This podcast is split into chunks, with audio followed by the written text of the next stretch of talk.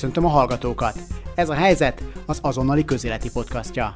Én Galavics Patrik vagyok, ezen a héten pedig a családon belüli erőszak pszichológiai és jogi hátterét járom körbe Borsos Kőszegi Erika bántalmazottakkal foglalkozó pszichológussal és Ésik Sándor ügyvéddel, akinek a Diétás Magyar Múzsa Facebook oldalán megjelenő írásaival az azonnal is gyakran találkozhattok.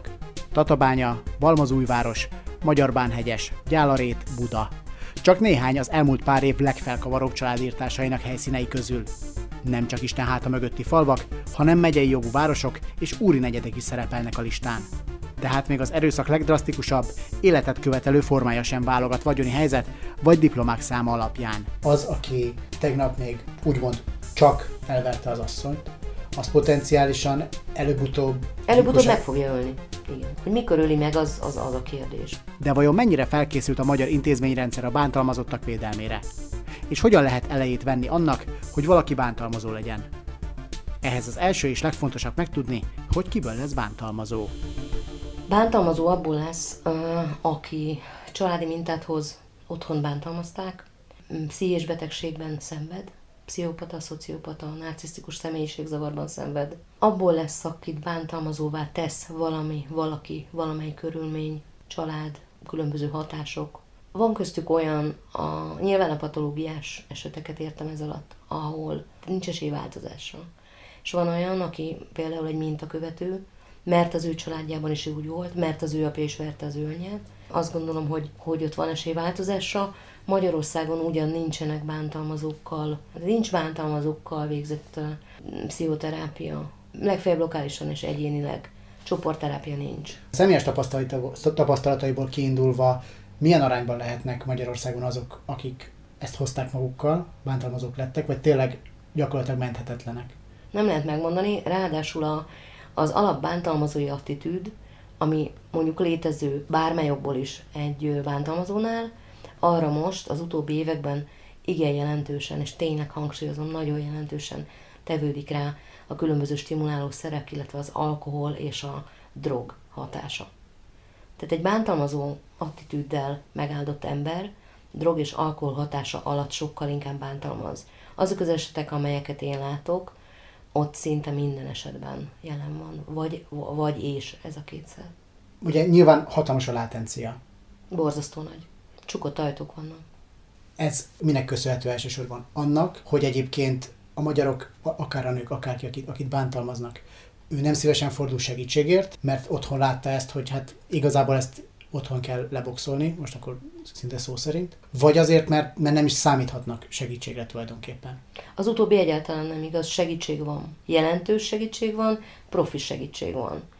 Sokkal inkább igaz az előbbi állítás, ami társadalmi konvenciókon alapul, hogy ami otthon van, az otthonra is való. Ez ugye a régi falusi beidegződés. Itt jegyzem meg, hogy, hogy rengeteg olyan bántalmazottal találkozom, és menekítünk olyan bántalmazottat, aki kis településről, elzárt kis faluból érkezik. Valahogyan mégiscsak nyilván értesül arról, hogy van, van segítség, igenis van segítség, és onnan menekül. De ott a faluba kiteregetni a szennyest még mindig nem divat még mindig nem. Mindenki nem. lesz szégyen. Minden, és szégyellik a, a bántalmazottak nyilván.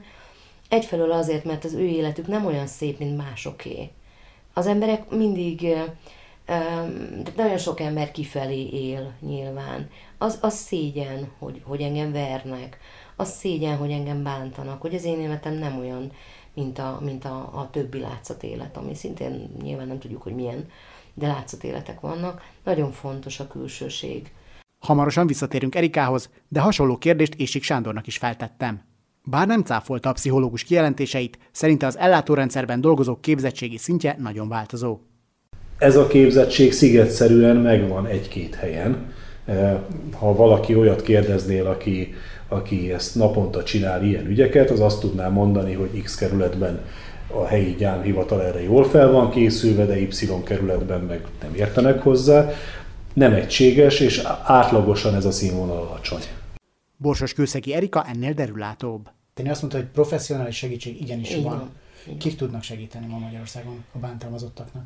Elsősorban és a legprofibban nyújt segítséget az Országos Kríziskezelő és Információs Telefonszolgálat.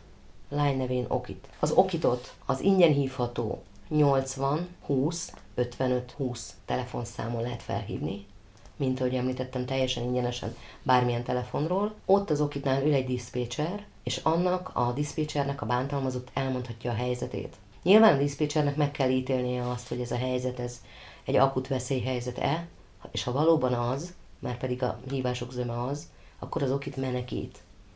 Az okit kitalálja azt, hogy mi lenne a legalkalmasabb és a legjobb módszer arra, hogy az a bántalmazott, aki éppen veszélyben van, megmeneküljön. Az okit kérheti a rendőrség segítségét, tudja kérni a helyi családsegítő és gyermekjóléti szolgálat segítségét, tehát nem kell egyedül megküzdenie még a meneküléssel sem a bántalmazottnak, kap hozzá segítséget. Az amíg vér nem folyik, nem avatkozunk be kijelentésről, és Sándor azt mondja, sajnos gyakran elhangzik. Ugye halljuk azt a közhelyet, hogy amikor a rendőrségre bemegy valaki esetleg kékre-zöldre összeverve, akkor azt mondják, hogy amíg vér nem folyik, addig nem tudnak mit csinálni. A legrosszabb az, hogy amikor ezt mondják, akkor igazat mondanak.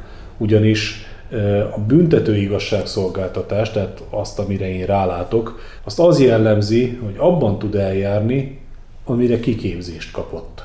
Fölösleges azt várni egy rendőrtől, ügyésztől, vagy akár egy bírótól, hogy olyan dolgot tegyen, amire nem tanították meg. Tehát ha bűncselekményi szintig jutnak, ezek speciális bizonyítási kérdéseket magukban hordozó ügyek, speciális jogszabályismeretet igényelnek, és rendőri szinten pedig speciális intézkedéseket. A speciális intézkedéshez kell speciális szoba, speciálisan kiképzett nyomozó, ahányszor azt mondom, hogy speciális, annyiszor kell oda nagyon sok pénzt oda képzelni. És a pszichológus szavai is azt támasztják alá, hogy egyelőre ez valóban gyakran hangzik el érvként. De szerencsére lát szemléletváltást a rendőrségnél is. Oké, okay, az okit értesíti a rendőrséget. A rendőrség mennyire van ezekre a dolgokra felkészülve? Mert ugye szokták ezt mondani, hogy hát amíg vér nem folyik, addig igazából a rendőrök nem tudnak mit csinálni, meg egyébként sem feltétlenül nagyon képzettek a rendőrök. Ön ezt hogy látja? Mennyire Vegyesen. Utálom ezt a mondatot, hogy amíg vér nem folyik, de nagyon sok helyen hallom. Nyilván így van, hogy, hogy nem avatkoznak be akkor, hogyha ha nem ö, éppen aktuálisan folyik az a bizonyos bántalmazás, és éppen nem hullanak ott a fejek, meg nem tudom, folyik a, a vér, ahogyan is mondta. De én azt gondolom, hogy van egyfajta szemléletváltás a rendőrség köreiben is. Annál is inkább, mert ugye erre egy nagyon komoly ORFK-s képzések épülnek már, és egyéb képzések is épülnek már. Többek között az is, amint tanítottam, ott is a jelzőrendszer részeként rendőrök is részt vehetnek ezen a képzésen, ahol elhangzik az, hogy akkor is intézkedni kell, amikor a bántalmazott azt mondja, hogy nem bántottak engem, és közben bólogat a fejével, és rémülten néz a rendőrre. Tehát azt kell mondania, hiszen ott van a bántalmazó. A bántalmazó előtt nem, mer, nem meri azt mondani, hogy őt bántották, hát hogyan. Amint becsukódik az ajtó, akkor, akkor megint bántani fogják. És egyáltalán nem biztos, hogy az intézkedő rendőr olyan súlyosnak látja azt a helyzetet, hogy adott esetben a bántalmazót elvigye. Ma Magyarországon létezik ö, 72 órás megelőző távoltartási intézkedés, amit a rendőrség hozhat meg. Azt gondolom, hogy egyre többször meghozza ezt az intézkedést. Ez arról szól, hogy a bántalmazót 72 órára távoltartási végzéssel eltávolítja az ingatlanból, ahol élnek, a bántalmazó és a bántalmazott, és a bántalmazott legalább 72 órára levegőhöz jut. Tudja, amikor bántalmaznak valakit, az egy borzasztóan beszűkült tudatállapot.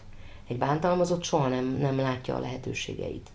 Ha a bántalmazó nincs a közelben, akkor sokkal inkább elkezd tudni gondolkodni azon, hogy hogyan tervez, tervezze meg a menekülését, hogyan lépjen ki abból a kapcsolatból, hogyan mozgósítson erőforrásokat. A szemléletváltás pedig a BTK-ban is bekövetkezett.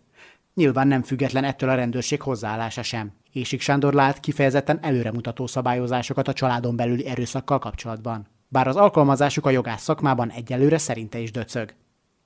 A magyar büntetőjogban van egy fejlődést mutató trend, tehát e, egész modern például az, ahogy a magyar BTK a e, különböző szexuális bűncselekményeket tartalmazza, benne van a kapcsolati erőszak külön tényállásként a BTK-ban. Tehát ezek a jogintézmények egész modernek, az alkalmazásukra nincs felkészülve a, az apparátus. Ha viszont minden jól működik, a bántalmazótól történő elkülönülés nem csak fizikai védettséget jelent Borsos Kőszegi Erika szerint. A bántalmazó célja az, hogy a bántalmazottnak ne legyen szociális közege, ne legyenek barátnők, barátok, ne legyen, lehetőleg a család se járjon oda, a bántalmazott sem járhat sehová, tehát ő, ő módszeresen szigetel el, mert azt, hogy ő bántalmaz, azt, azt nem tudhatja meg más, hiszen azt a törvény bünteti.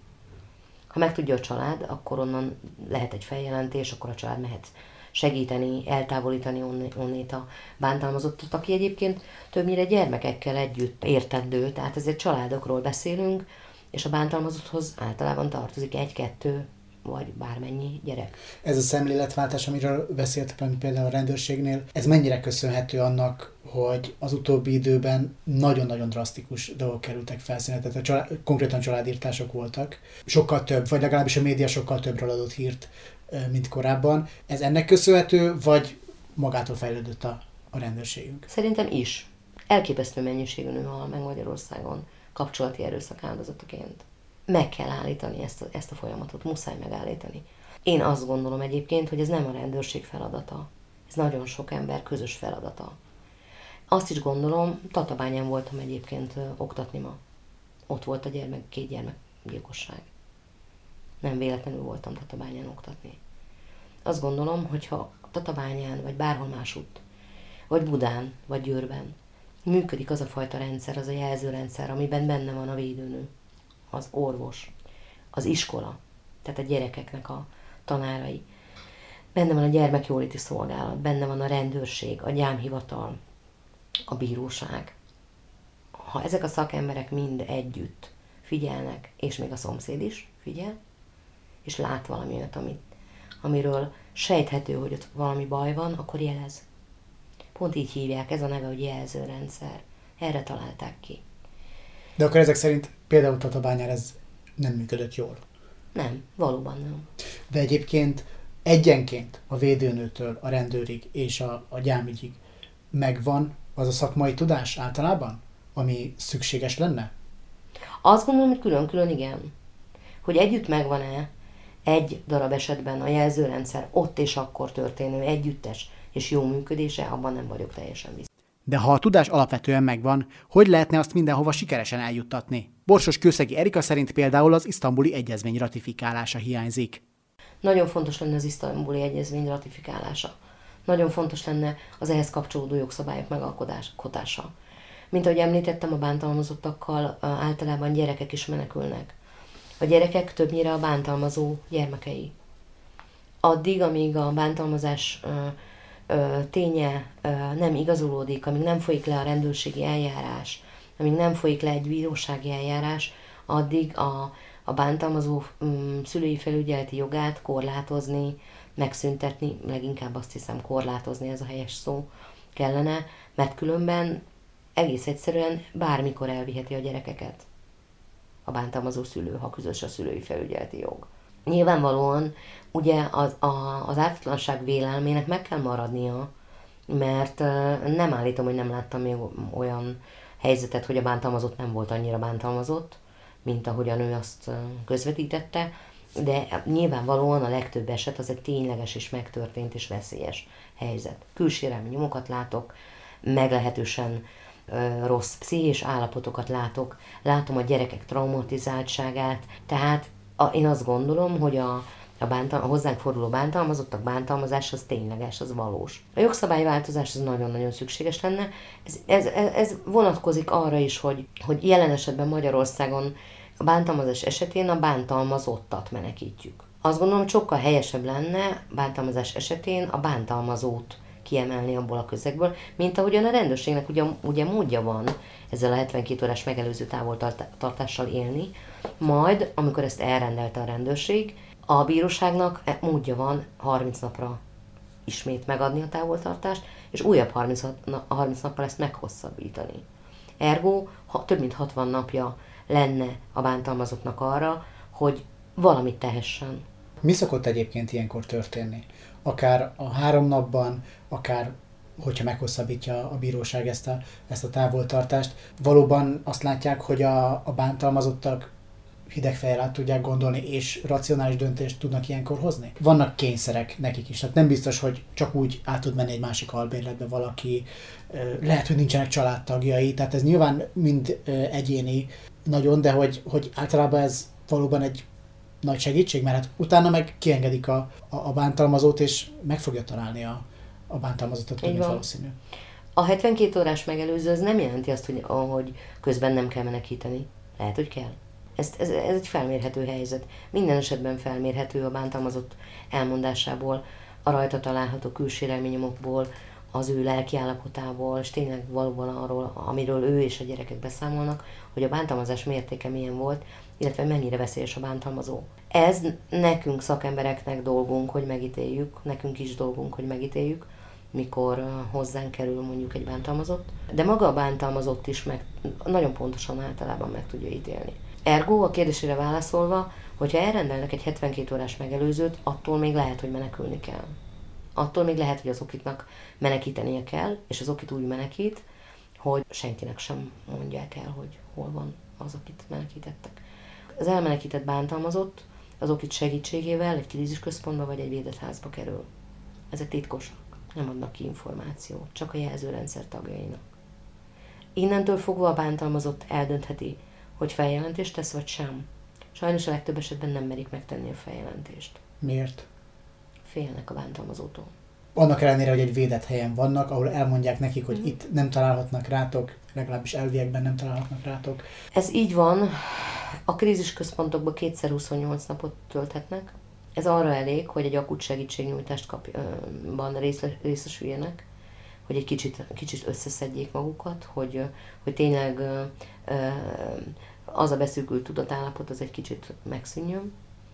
Utána krízis, utána, vagy a védett ház, ha a védett kerülnek, akkor ott fél évet tölthetnek, ennyi a maximális idő, és utána őket anyaotthonba vagy családok átmenti otthonába helyezik el valahová az országban, lehetőség szerint a legtávolabb a bántalmazótól, minél távolabb a bántalmazótól.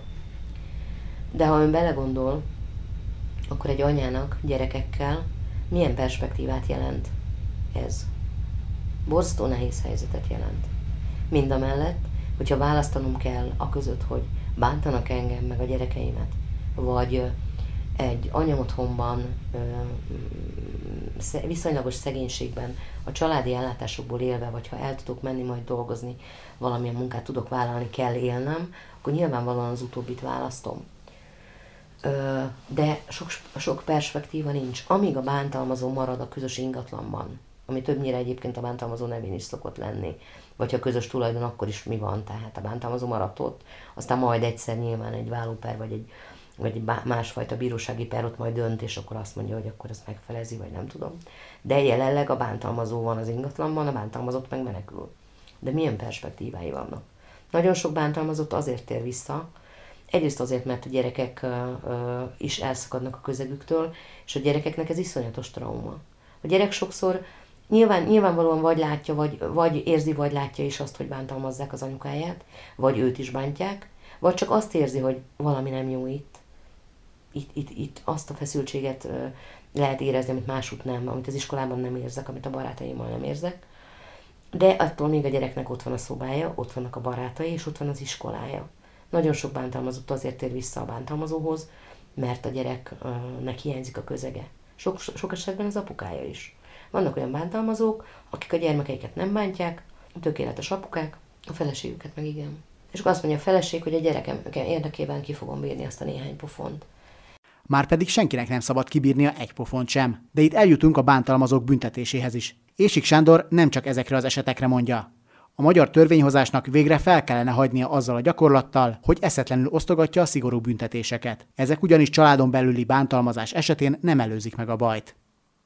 A jogász szakma az új BTK 2013-as bevezetése óta könyörög azért, hogy vegyük már észre, hogy nem, nem valami liberális huncutságról van szó akkor, amikor azt mondjuk, hogy a ész nélkül osztogatott szigorú börtönbüntetéseknek nincsen elrettentő hatása. Egyetlen olyan ember sincsen, aki azt mondja, hogy én péntek este 9-kor a 8. sör után azért nem verem meg az asszonyt, mert ezért szigorú börtönbüntetést adnak. Tehát ha valaki ezt így életszerűen el tudja képzelni, hogy ilyen történik, annak nagyon jó képzelőereje van. Ezt a törvényhozóknak kell megérteniük. A pszichológus szerint pedig a bántalmazottnak azt, hogy a veréseknek soha nem lesz vége. Sőt, azok csak egyre súlyosabbak lesznek. Én mindig el szoktam mondani a bántalmazottaknak, hogy a bántalmazás mindig súlyosbodik. A bántalmazó mindig egyre súlyosabban bántalmaz. Ez egy törvényszerűség. Ezen kívül még mit lehet mondani egy ilyen nőnek, aki azt mondja, hogy hát a gyerekeim miatt megyek vissza? Mert nyilván egy anyának ez a, az első. Hogyan lehet őt lebeszélni arról, hogy igazából a gyerekeknek is az a jobb, hogyha ennek vége szakad, vagy legalábbis távol hát, Nagyjából pont így.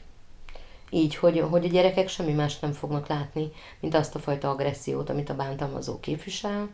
Én, én azt is gondolom egyébként, hogy onnantól fogva, hogy, hogy ott bántják az egyik felet, ott a gyerekekkel való bánásmód sem lehet tökéletes. Tehát nem mondja nekem senki, sem a tatabányai, sem a győri, sem a, sem, sem a budai, semmilyen hírportál, ne, ne jöjjön nekem azzal szembe, hogy ez egy tüneményes ember volt, és hogy a, nem tudom, hogy hogy szerette a gyerekeit. Nem. Ez nem így van. Tehát egy, egy, egy, olyan ember, aki, aki agresszív, az legfeljebb nem üti meg a gyerekeit, de nem tudom elképzelni azt, hogy a verbális kommunikációjában mondjuk ne, ne jelenjen meg agresszió. Nem tudom elképzelni, hogy ne egy autoriter apa legyen. Nyilvánvalóan a, a bántalmazó az kifelé nem azt közvetíti, hogy sziasztok, én úgy egyébként egy állat vagyok otthon, de különben minden rendben van. Tehát a bántalmazókról általában el szokták mondani a munkahelyi kollégák, hogy, hogy tehát egy tök kedves ember volt. Tehát ön szerint azért ezek... Ezek működnek. Ezek, ezek így működnek. De nem mondja nekem senki, hogy a világ legjobb apja volt. Mert azok érzelmi kötelékek. Érzelmi kötelék a, feleség felé, érzelmi kötelék a gyerek felé, a szülő felé, és én azt gondolom, hogy nem, nem lehet annyira meghasonulni, hogy teljes mértékben jó, jó apja vagyok a gyerekeimnek, és közben félig agyonverem a fürdőszobában a feleségemet. Vagy ha a gyerek nincs otthon, akkor megerőszakolom a feleségemet. Tehát ilyen, ilyen nincsen. Mondott egy nagyon érdekeset az előbb, hogy a bántalmazó mindig egyre durvább lesz. Így van. Ez azt jelenti, hogy az, aki tegnap még úgymond csak elverte az asszonyt, az potenciálisan előbb-utóbb... Előbb-utóbb meg fogja ölni. Igen. Hogy mikor öli meg, az, az, az a kérdés. Vagy hogy mire terjed ki az ő bántalmazása, mennyire gyors ez a folyamat, de hogy durvul mindig, ez, ez, ez, egy, ez egy vitathatatlan tény. Mindig verbális bántalmazással kezdődik a bántalmazás. Hogy nézel már ki? Mi az, hogy ezt csináltad? Hogy engedhetted ezt meg magadnak? Mit mondtam, mit csinálj? És aztán jön egy pofon, aztán jön egy rúgás, és ez mindig egyre durvább és durvább lesz. Volt egy olyan bántalmazottam, akit olyan mérvű külsérelmi nyomokkal ö, hoztak, jött, érkezett, hogy én, én, én akkor nem tehettem más, mint, mint azt tudtam neki mondani, hogy azt gondolom, hogy hogyha visszamegy, akkor meghal. A külsérelmi nyomai alapján, ami a Martens bakancstól elkezdve a kandalónak a, a vasa, Piszkavas? piszkavasán keresztül minden volt a lilára dagadt szemével együtt minden volt. Nem tudtam neki más mondani, mint azt, hogy a következő bántalmazás az lehet olyan súlyos már, hogy ő abba belehalhat. Márpedig ezzel sokan nincsenek tisztában. Ebben jönne jól a civilek segítsége ha bár Borsos Kőszegi Erika kiemelte. A sárga rózsás tüntetésen levélben még Varga Judit igazságügyminiszter is köszönetet mondott a civileknek a bántalmazottakkal végzett munkájukért. Ésik Sándor szerint viszont vannak olyan civilek, akik nem végezhetik zöggenőmentesen a jogászok érzékenyítését.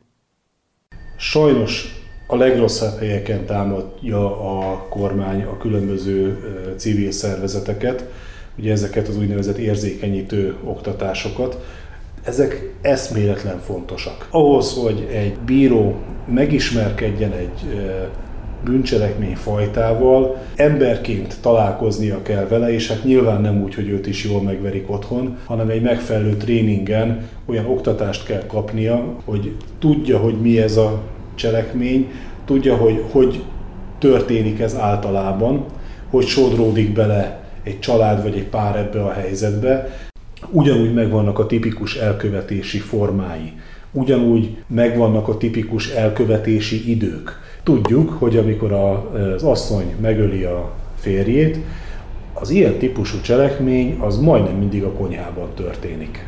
Miért?